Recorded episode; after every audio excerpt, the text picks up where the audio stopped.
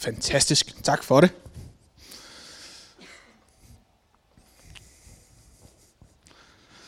Så er det blevet jul. Og der er stort engagement og glæde fra menigheden. Yay!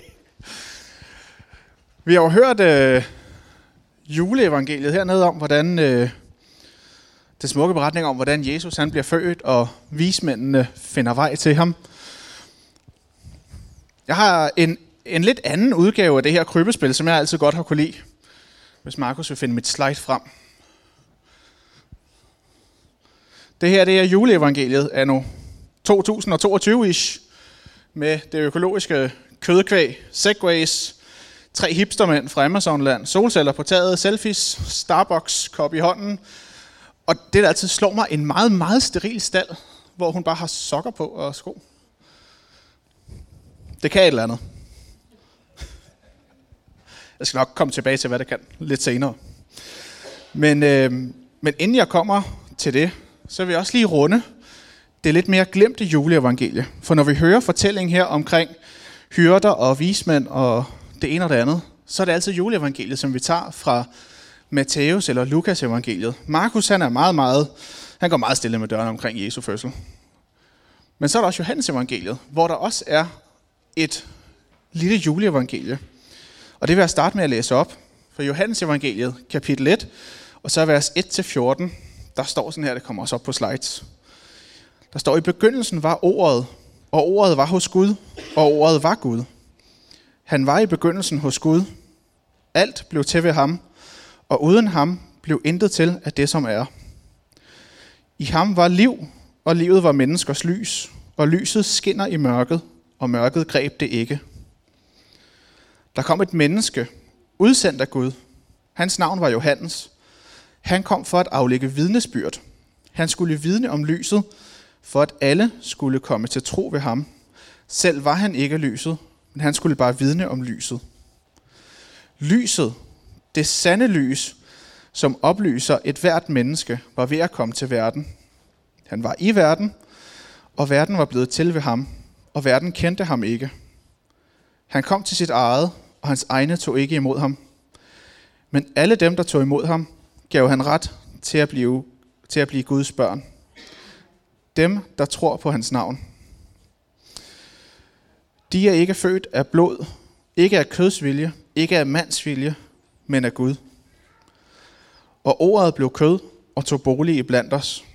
Og vi så hans herlighed, en herlighed, som den enborgne har den fra faderen, fuld af noget og sandhed. Smukt, ikke?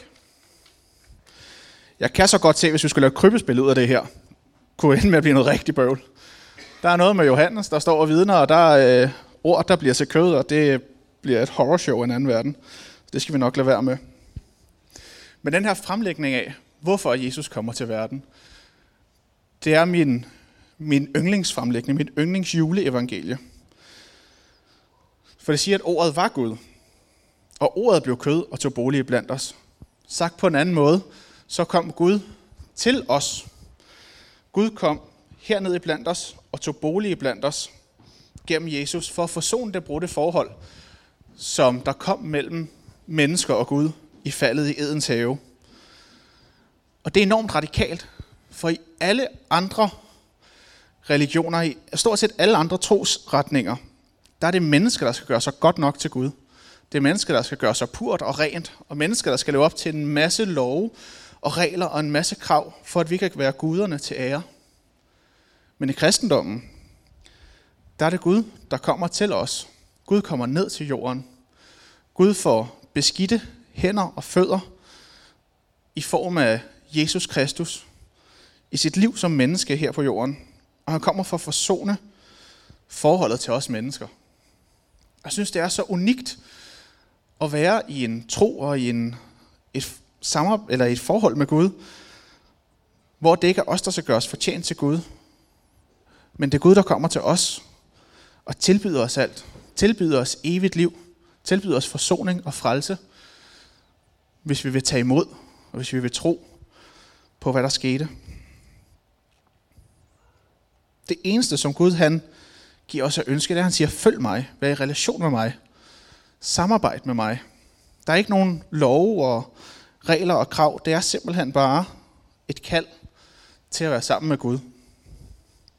Og det helt radikale, det kommer i det ord, som jeg har skrevet op her. Normalt, når jeg skriver en prædiken, så ved jeg, at der ikke er en sjæl nede i salen, der kan græsk. Og det gør det nemt for mig at stå og gøre mig klog på græsk ord. Problemet er, at vi har en nyuddannet teolog i blandt os i dag. Så jeg kan passe på, hvad jeg siger, Simon. Det græske ord, som, øh, som bliver brugt her, der hvor at, øh, at Johannes evangeliet siger, at Gud han tog bolig i blandt os. Der bruger de det græske ord eskenosen, som er en bøjning af ordet kenosis. Og kenosis er det radikale ord, for kenosis betyder at udtømme sig selv, eller tømme sig selv ned i noget. Så ordet kenosis siger, at Gud han ikke bare tog bolig, han var ikke bare midlertidig blandt os. Gud tømte hele sit væsen ned i verden, ned i Jesus, for selv at være her. Og derved så blev Jesus fuldt ud menneske, han blev også fuldt ud Gud, fordi Gud tømte sig selv ned i Jesus. Er det ikke radikalt? Amen. Gud kommer til os, fordi Gud først af alt ønsker en ægte og kærlig relation med os. Gud inviterer os ind til nærvær og til forsoning. For at vi skal kunne leve i Guds kærlighed. Og igennem Jesus Kristus, så kommer Gud med den her forsoning som en julegave til menneskeheden. I Johannes stod der, at lyset, det sande lys, som oplyser, at hvert menneske var ved at komme til jorden. Og det er det her lys, som vi fejrer i julen. Det er jo nu, hvor det er vintersolvæv. Vi fejrer, at dagene de har gået fra at være blive kortere og kortere og kortere, til vi rammer et middelpunkt, og nu bliver det bare længere og længere. Nu er lyset på vej ind i verden.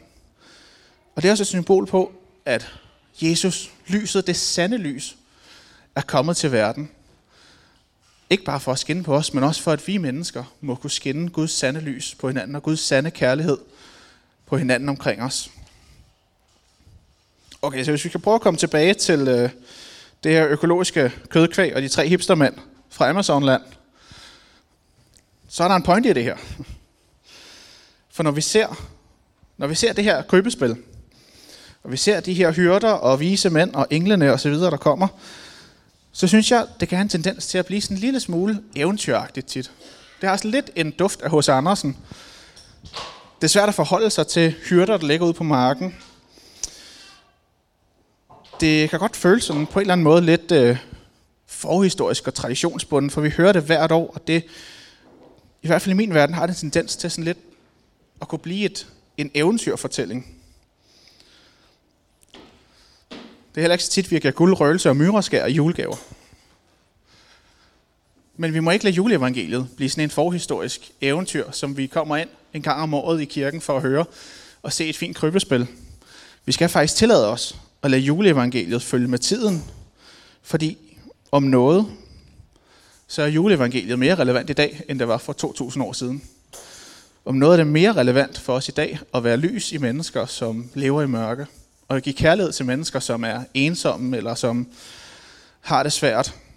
Om noget så lever i den verden lige nu, hvor der er brug for noget forsoning, om ikke andet i Østeuropa. Og når Jesus kommer til os og kalder os som disciple, så er det også for, at vi skal være en del af løsningen. Ikke for, at vi bare skal sidde tilbage og tænke, sådan nu er I frelst. Men faktisk fordi vi har et kald til at sprede lys og til at sprede kærlighed i verden. Også at der er et kald eller en opmundring til os mennesker, i at Gud kommer til os. Og det betyder, at vi er gode nok. Vi skal ikke leve op til noget. Vi skal droppe hele det der præstationsræs. Og ikke gå efter altid at være perfekte og se perfekte ud. Vi kan ikke leve op til Guds kærlighed. For den er givet os som en fuldstændig fri gave. Vi kan ikke leve op til Guds forsoning og til det kæmpe offer, der blev givet os. Vi skal tage imod og når vi tager imod, så vil vores liv blive forvandlet. Så vil vi begynde igen at sprede lys omkring os, sprede kærlighed og vise andre mennesker med til korset, vise andre mennesker med til det mirakel, der skete. Så vi må ikke lade vores juleevangelie bare blive et eventyr, men huske, at vi faktisk også er dem, der skal sprede lyset. Så skal vi ikke lade det nye år, vi går ind i nu, være det år, hvor vi som kristne kan være forgangsmænd for på ny at skabe forsoning og kærlighed i vores samfund, for at sprede lys i mørket og for at gribe de mennesker omkring os, som har brug for at møde Gud og har brug for at blive trukket med ind i Guds kærlighed. Er I med på det? Fedt. Og det vigtigste spørgsmål, hvem får segwayen? For den vil jeg gerne. Jeg vil gerne invitere jer med til en lille handling nu. Jeg har stillet nogle lys frem herop. Der er et lys, der er tændt, og der er en masse fyrfadslys. Jeg vil gerne vil bruge en lille smule tid på at lave en øh, sådan en lille lystænding nu, øh, hvor du kan øh, bruge lidt tid på at sidde, der hvor du sidder, og reflektere over, om der er et sted i dit liv, hvor du faktisk kan være med til at sprede Guds lys for mennesker. Er der nogen, som du kunne være et lys for? Er der nogen, du kunne være Guds kærlighed for? Er der nogen mennesker, eller nogle situationer, hvor du kunne hjælpe mennesker tættere på Gud, og tættere til korset, og tættere til Guds forsoning? Hvis der er et sted, hvor du tænker, ja, lige den der person, der kunne jeg faktisk være et lys for. Eller lige den der situation, der kunne jeg være en del af løsningen og forsoningen. Så kom herop og tænd, tag et fyrfadslys, og tænd det inde i øh, det store lys, som symboliserer Jesus, der kom til jorden. Og tænd det lys som et symbol på, at du vil være med til at sprede Guds lys i verden omkring os. Og mens vi sidder og bruger lidt tid på det, så vil Jens Erik øh, spille lidt musik, og så går vi ind, ind i at synge en øh, salme sammen bagefter. Jeg vil lige slutte af med at bede, og så øh, er I velkommen til at komme op og tænde lys. Gud, vi takker dig for, at du kom til verden, for at du tømte dig selv ned i vores verden. Du blev helt menneske i Jesus, for at forsone det fald, der skete i Edens have, Gud. Vi takker dig for, at du på ny ønsker en relation med os, ønsker en, et forhold med os mennesker, og ønsker at se alle mennesker omkring os også komme til tro. Vi beder dig om, at du må inspirere os og vejlede os til, hvor vi kan være et lys. Giv os de mennesker på senden, som vi kan være et lys for.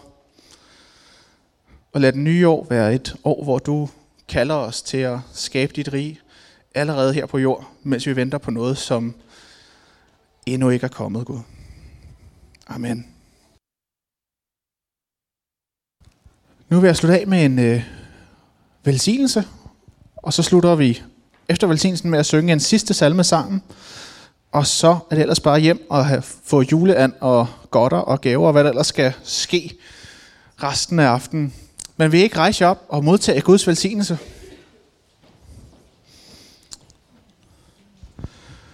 Gå nu over alt, hvor folk vil modtage dig. Fortæl om Guds forvandlende kærlighed. Vær ikke bange, fordi du er svag, for når du er svagest, kan Kristi kraft komme til syne gennem dig. Rejs let, lev let, og mød dem, der tager imod det budskab, du bringer med godhed. Må Gud være din beskyttelse og din tryghed. Må Jesus styrke være din, og må Helligånden vejlede dig altid. Lad os gå med fred for at elske og for at tjene Herren i Jesu navn. Amen.